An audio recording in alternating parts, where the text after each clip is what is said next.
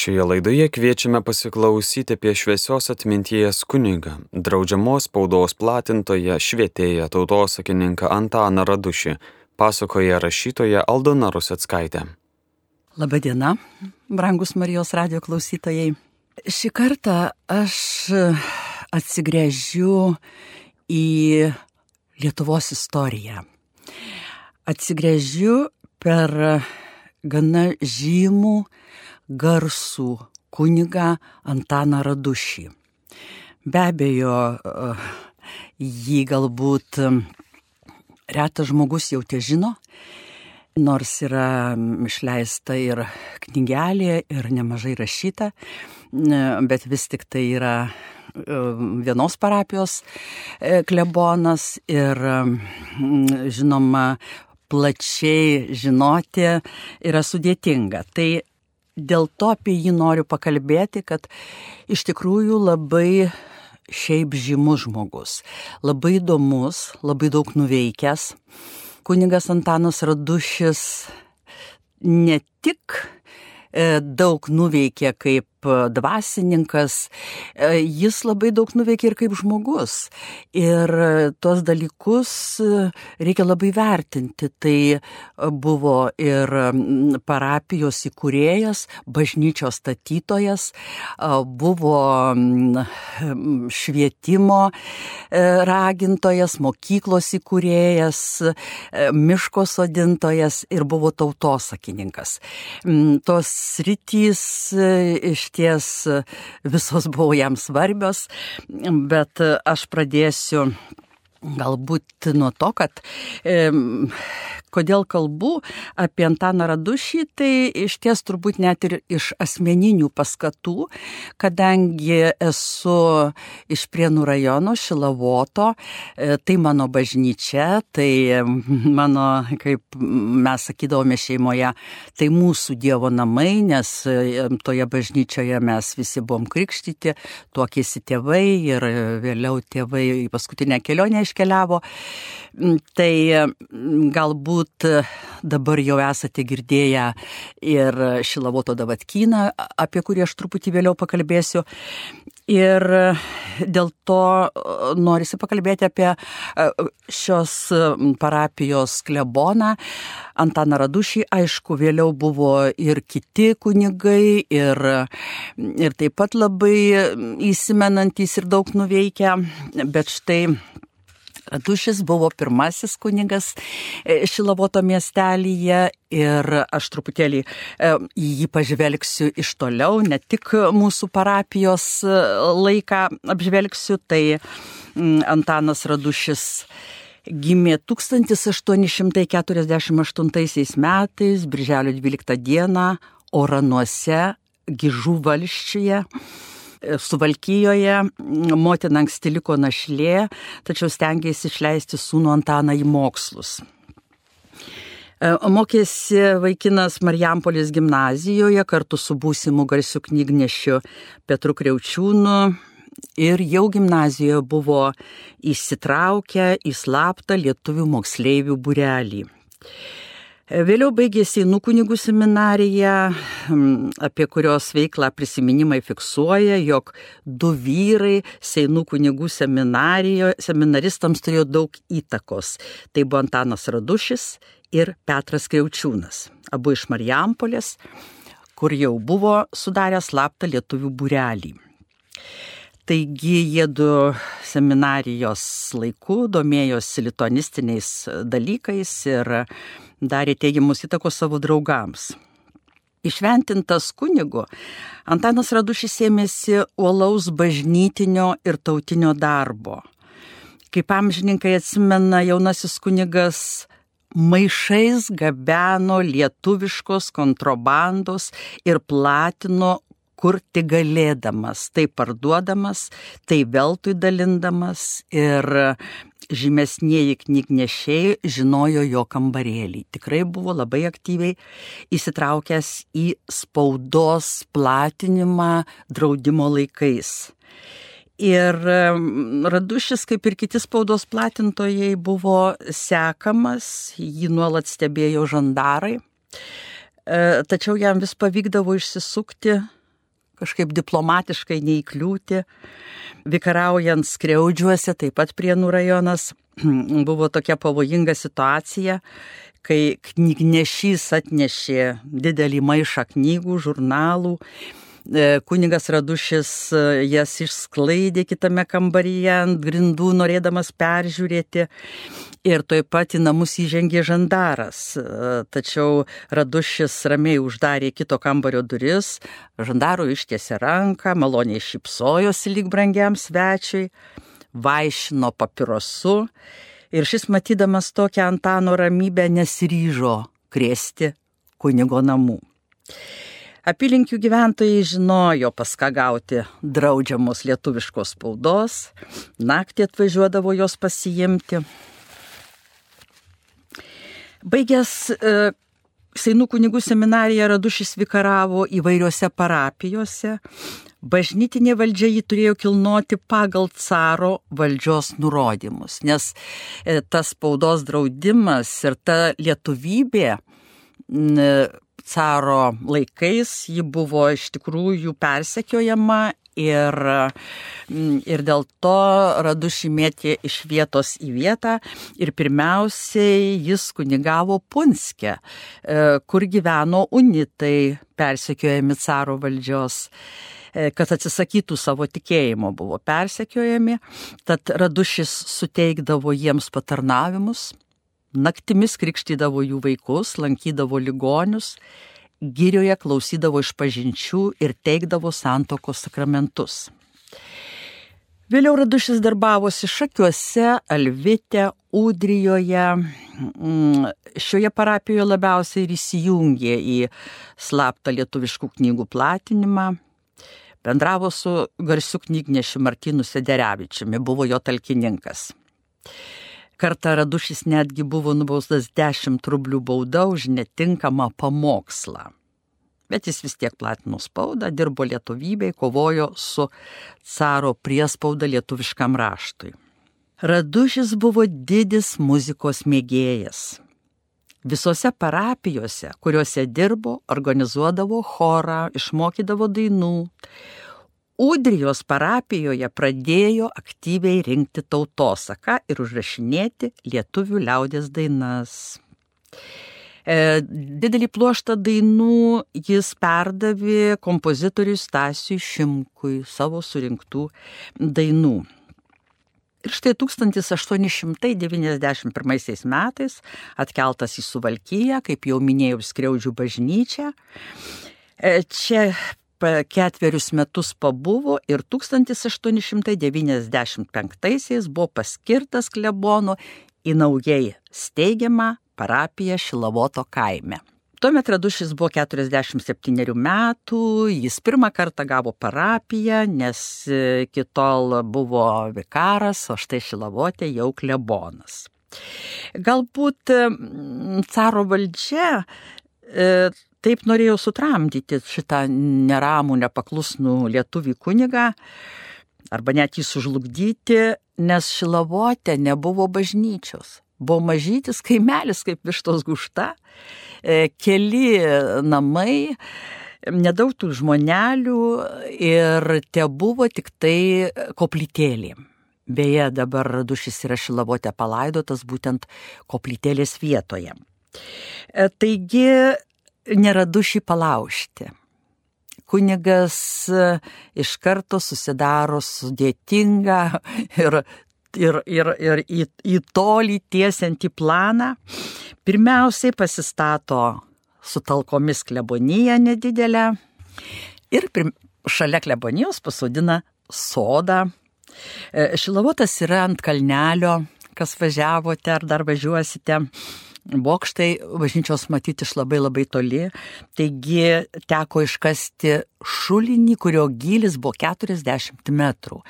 Radušio iškastas šulinys yra iki šioliai klebonijos kieme. Ir taip įsikūręs pradėjo ruoštis bažnyčios statybai. Marijampolėje surado inžinierių Valerijų Rybovskį, kuris ir suprojektavo Šilavoto bažnyčią, didelį neogotikinį statinį. Ir klebonas su talkininkai suprato, jog plytas pirkti būsia per brangu, nes statė iš raudonų plytų. Ir sugalvojo, kad reikia turėti savo plytinę, netolimame kaime, mm, įkūrė plytinę ir ėmė žiesti plytas, valstiečiai dar privežė akmenų. Ir tokiu būdu vyko bažnyčios statybos. Tikrai buvo labai sudėtingas darbas. Galop 1902 metais spalio 28 dieną buvo konsekruota Šilavoto švenčiausios Jėzaus širdies bažnyčia. Įdomu yra tai, kad e, tuomet Seinuose vyskupas ir garsusis rašytojas Antanas Baranauskas jau žinojo apie naują Šilavoto bažnyčią ir ją pašventinti atsiuntė iš Seinų prelatą Juozapą Antanavičių, kuris buvęs netgi prienų klebonų, asmeniškai pažinojęs Radušį, nes abu, abu buvo savaitraščių šaltinis bendradarbiais. Žinoma, 1902 metais bažnyčia dar nebuvo baigta. Stogas dengtas šiaudais, grindys asla, išpilta žvyrumi, sienos nudažytos aliejumi, kuris išspaustas iš parapiečių suneštų sėmenų. Klebūnas Radušis gebėjo suburti žmonės, įkalbėti, įrodyti. Ir bažnyčia buvo įrenginėjama ir toliau, ir, ir po jos išventinimo, štai 1908 metais sumontuoti Dansigę pagaminti vargonai, apskardintas stogas. Randame informaciją, jog po pirmojo pasaulinio karo vargonus Šilavoto bažnyčiai sumeistravo Jonas Garalevičius, garsus Lietuvos muzikos instrumentų meistras, Lietuvių tautinio sąjūdžio veikėjas, e, kuris buvo mm, e, pagaminęs Maironiui kankles, kurios iki šiol skamba poeto bute. Nes e, vargonai pirmieji e, per Pirmą pasaulinį karą buvo sugadinti, todėl e, teko Jonui Garalevičiui jau pagaminti kitus. Iš tikrųjų, Pirmas pasaulinis karas padarė daug žalos bažnyčiai, dėl to Radušis labai pergyveno, sielojosi, bet vėlgi nepasidavė. Labai didelė parama Antanui Radušiui buvo, kai 1906 metais vikaru į Šilavotą paskirtas Juozas Vaičiaitis. Jau seniai pažįstamas su Radušiu ir beje poeto Prano Vaičiaičio brolis. Ir a, tai buvo, a, a, abu labai sutarė ir a, tikrai labai darniai darbavosi. Dabar noriu kitą Antano Radušio sritį paminėti. Antanas Radušis buvo didis švietėjas. E, jis e, aplinkui matė, suvokė, kad e, dauguma parapijos vaikų yra beraščiai ir kad būtina juos šviesti. Ir todėl 1902 metais klebonijoje įsteigė tiems kaimo vaikučiams pradžios mokyklą, skyrė mokiniams savo asmeninės lėšas ir rūpinosi vadovėliais, nes žinojo, kur jų gauti. Ir 1911 metais e, buvo atidaryta jau valstybinė mokykla.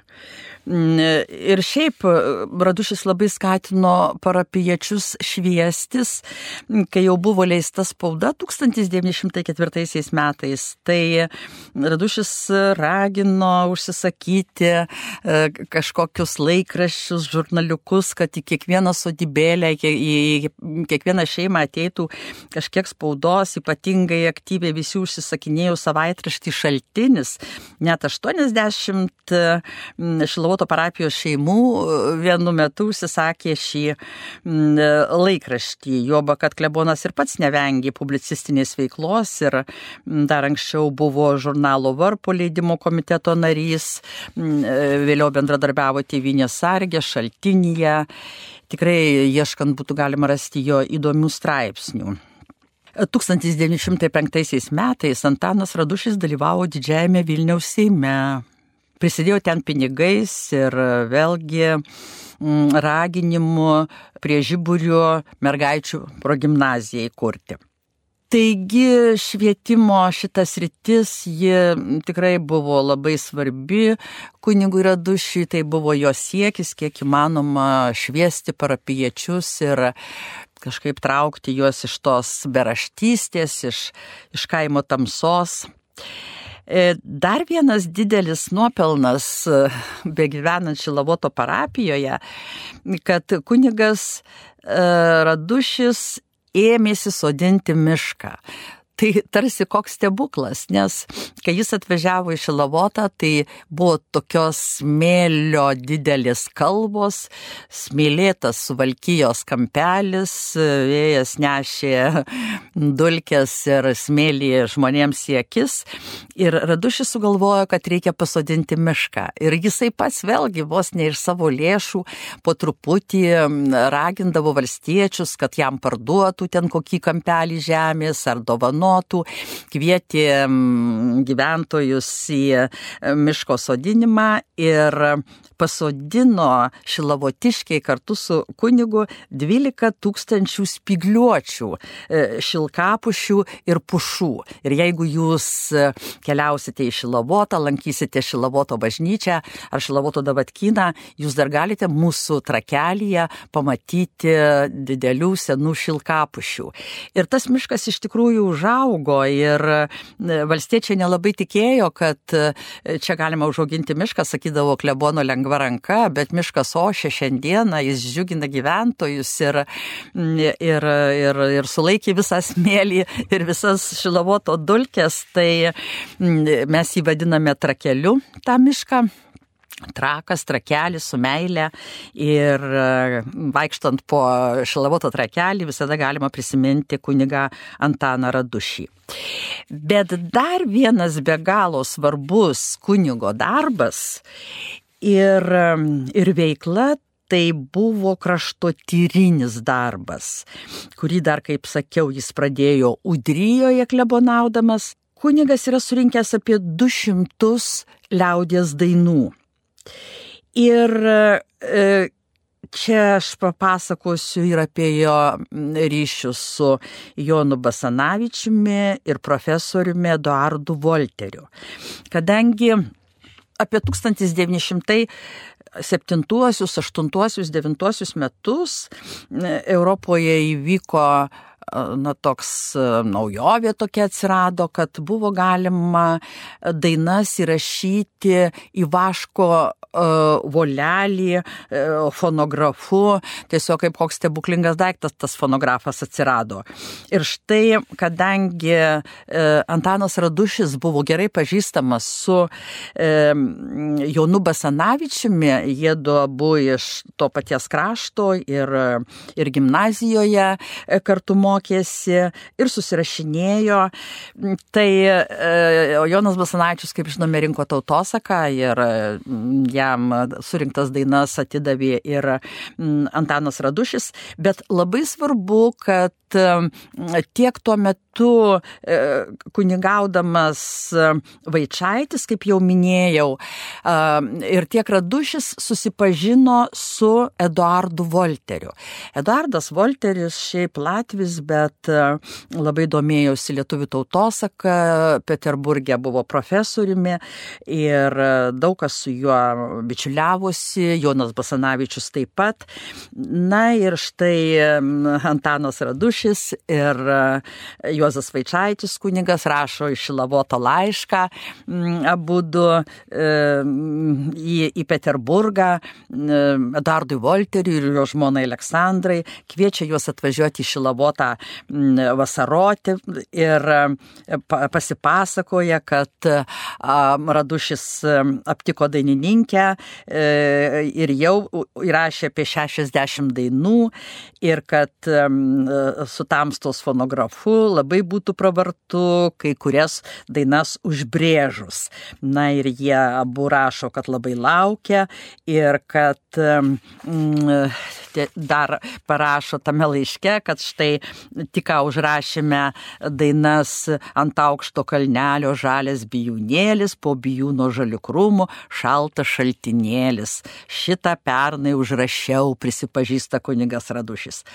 O kita daina už jūrų marių ir vandenėlių rinko mergelė, rinko jaunoji smulkės vuogelės prisipažįsta laiškė, tik ką užrašiau šią dainelę, siunčiu jumi.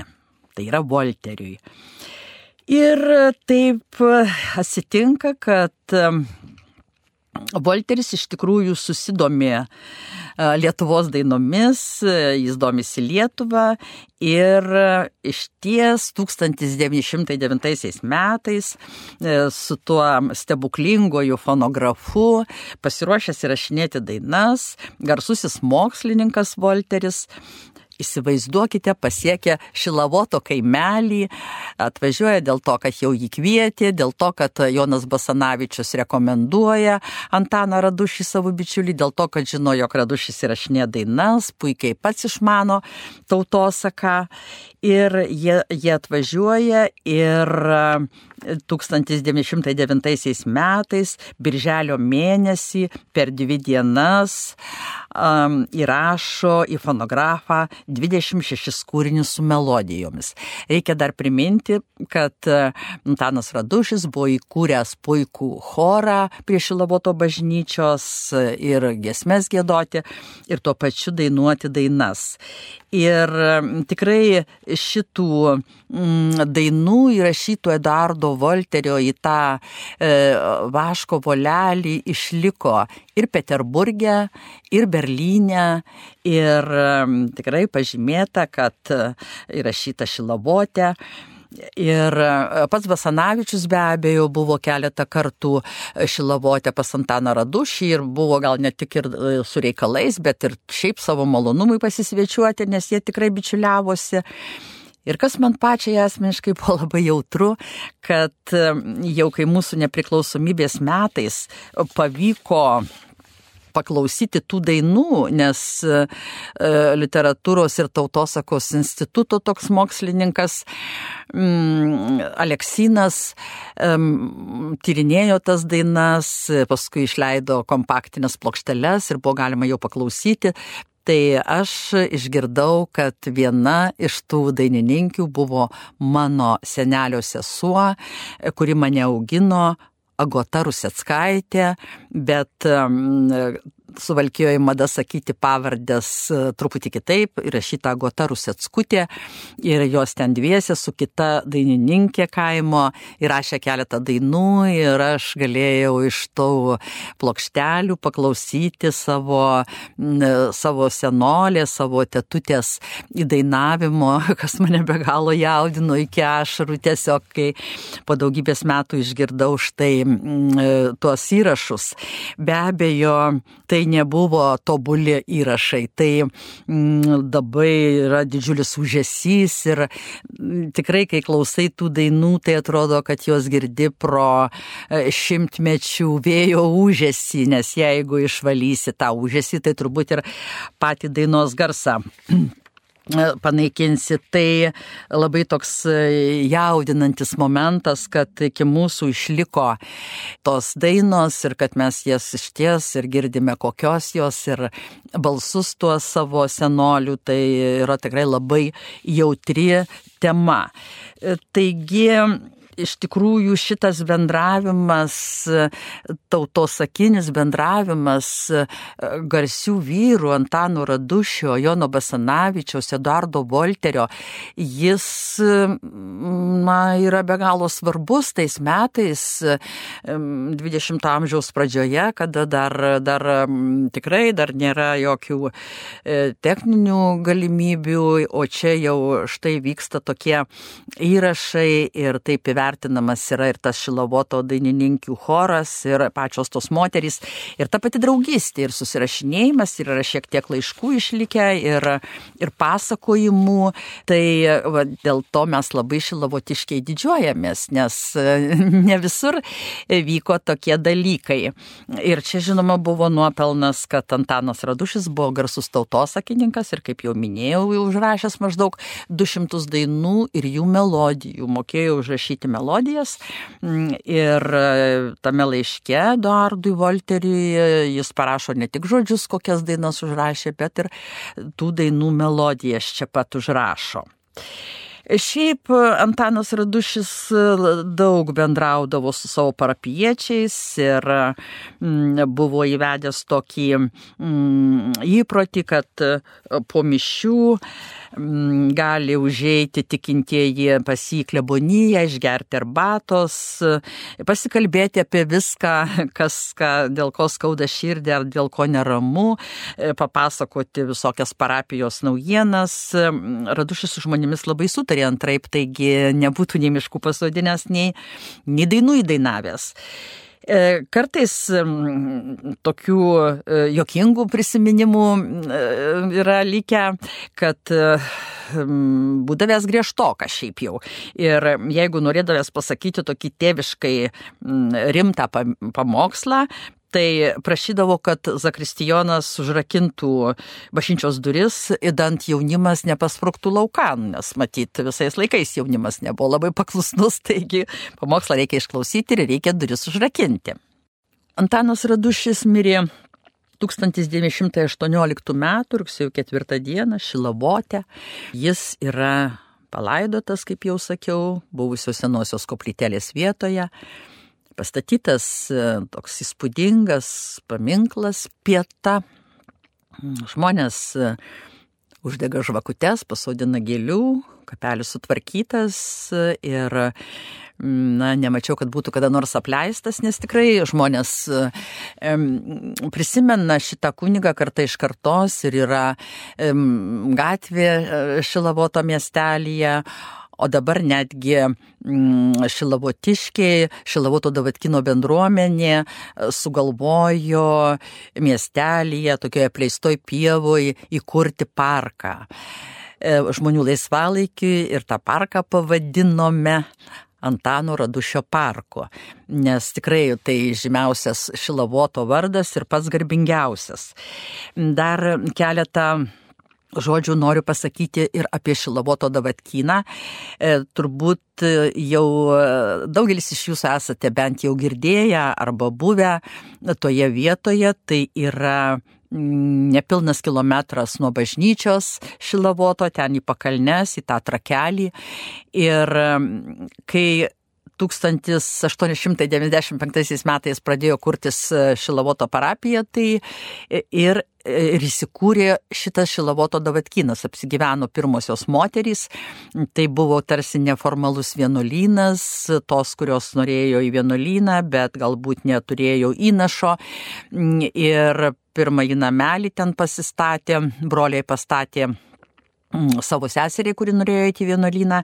Ir taip prasidėjo tas Šilavoto Davatkino plėtimasis, buvo vienu metu, e, ten ir, ir apie 14 moterų, ir tai nebuvo būtinai netekėjusios mergelės, tai galėjo būti ir kokia vieniša moteris, kuri, kuri galbūt našlė, ar kurią gal ten labai šeimoje, kuriai blogai, žodžiu, galėjo būti įvairios moterys, jos viena kitą palaikė. Ir tas šilavoto davatkinas, mm, galima galvoti, kad davatkinas toks kaip ir neįgiamas žodis, bet iš tikrųjų tai aš augau e, ir žinojau šilavoto davatkiną ir mama dažnai siūsdavo nunešti kokio maisto. Tai buvo vadinama davatkėlės, buvo vadinama su meilė ir mūsų vaikus asmeniškai per tą sovietinį laiką davatkėlės ruošė pirmąjį komuniją ir aš ten bėgiojau po pamokų į pakalnes mokintis poterių ir vėliau davatkėlė privedė mus vedė į bažnyčią privedė pirmosios komunijos. Ten vyko tame davatkinė, vyko labai daug gražių dalykų, nes ir vaikai buvo moka, ruošiami pirmajai komunijai, ir davatkėlės pačios užsidirbdavo savo pragyvenimu, jos eidavo slaugyti ligonių į kaimą, jos eidavo gal kartais ir kokių daržų ravėti ir jos ten siūdavo, megzdavo žmonėms, jos užsidirbdavo e, savo pragyvenimui, bet svarbiausiai, kad kiekvieną rytą m, mm, tuo takučiu, kaip mes dabar vadinam davatkėliu, jos keliaudavo į bažnyčią, melstis ir prižiūrėti bažnyčią, tvarkyti. Mm, tai buvo tikrai bažnyčios pagalbininkės, labai tikinčios moterys ir šiandieną, kas važiuojate į Davatkyną, žinot, kad nuo Šilavoto bažnyčios iki uh, Davatkyno yra uh, takutis Davatkėlių, yra šventųjų skulptūrų drožiniai ir tikrai labai smagu tuo taku pereiti, ypač vasarą. Ir uh, 1905 metais, po šimto metų Davatkino veikimo, e, iškeliavo paskutinės moterėlės. Ir aišku, daugiau jau ten niekas nesikūrė. Ir to, taip liko tušti tie nameliai, tačiau giminės šiuo atveju konkrečiai, na, iš, iš vienos iš netgi pirmųjų davatkėlių giminės kartai iš kartos, mm, danguolė Marija Dabrišiūtė Lincevičianė, jos vyras Kostas Lincevičius, dabar jau ir vaikai, Viktorija, Petras, suaugę jų vaikai, tiesiog ėmėsi šitą vietą tvarkyti. Ji yra privati, yra jų nuosavybė, nes jie galėjo kaip giminės atsiimti. Ir dabar ten yra prie Nukrašto muziejaus padalinys, kaip ir muziejus ir iš tikrųjų labai viskas autentiška mm, ir, ir tie namukai, ir ta aplinka, ir tie gėlynai, dabar kėlės gyvenant daug sėjo sodino, Tai tokia, manau, vieta tikrai yra verta aplankyti, nes e, iš ties vienais metais ir popiežiaus nuncijus ten buvo nuvažiavęs ir šventino skulptūras ir lankėsi ir sakė, kad tokie e, davatkynai, tokia laisvas toks moterų gyvenimas, e, pamaldžių labai moterų, tai labai retai kur yra Europoje, liktai Belgijoje jisai paminėjo, bet šiaip tai tikrai lankytina vieta ir tuo, tuo pačiu jau reikia aplankyti ir Šilavoto bažnyčią ir tuo takučiu nueiti iki Davatkyno ir pajusti tą tokią atmosferą dar, dar, dar 19 amžiaus pabaigoje, visą 20 šimtmetį. Taigi tiek aš šiandieną norėjau Jums papasakoti mm, ir iš tikrųjų asmeniškai man labai įdomios šitos temos ir labai svarbios, nes tikrai labai myliu savo gimtają bažnyčią, kaip ir sakau, ir tas vietas, ir, ir Šilavoto Davatkyną. O jums belieka palinkėti gražių, šviesių dienų, sveikatos ir Dievo palaimos. Šioje laidoje klausėmės apie šviesios atminties kunigą draudžiamos spaudos platintoje švietėją tutosakininką Antaną Radušį, pasakojo rašytoja Aldona Ruseckaitė.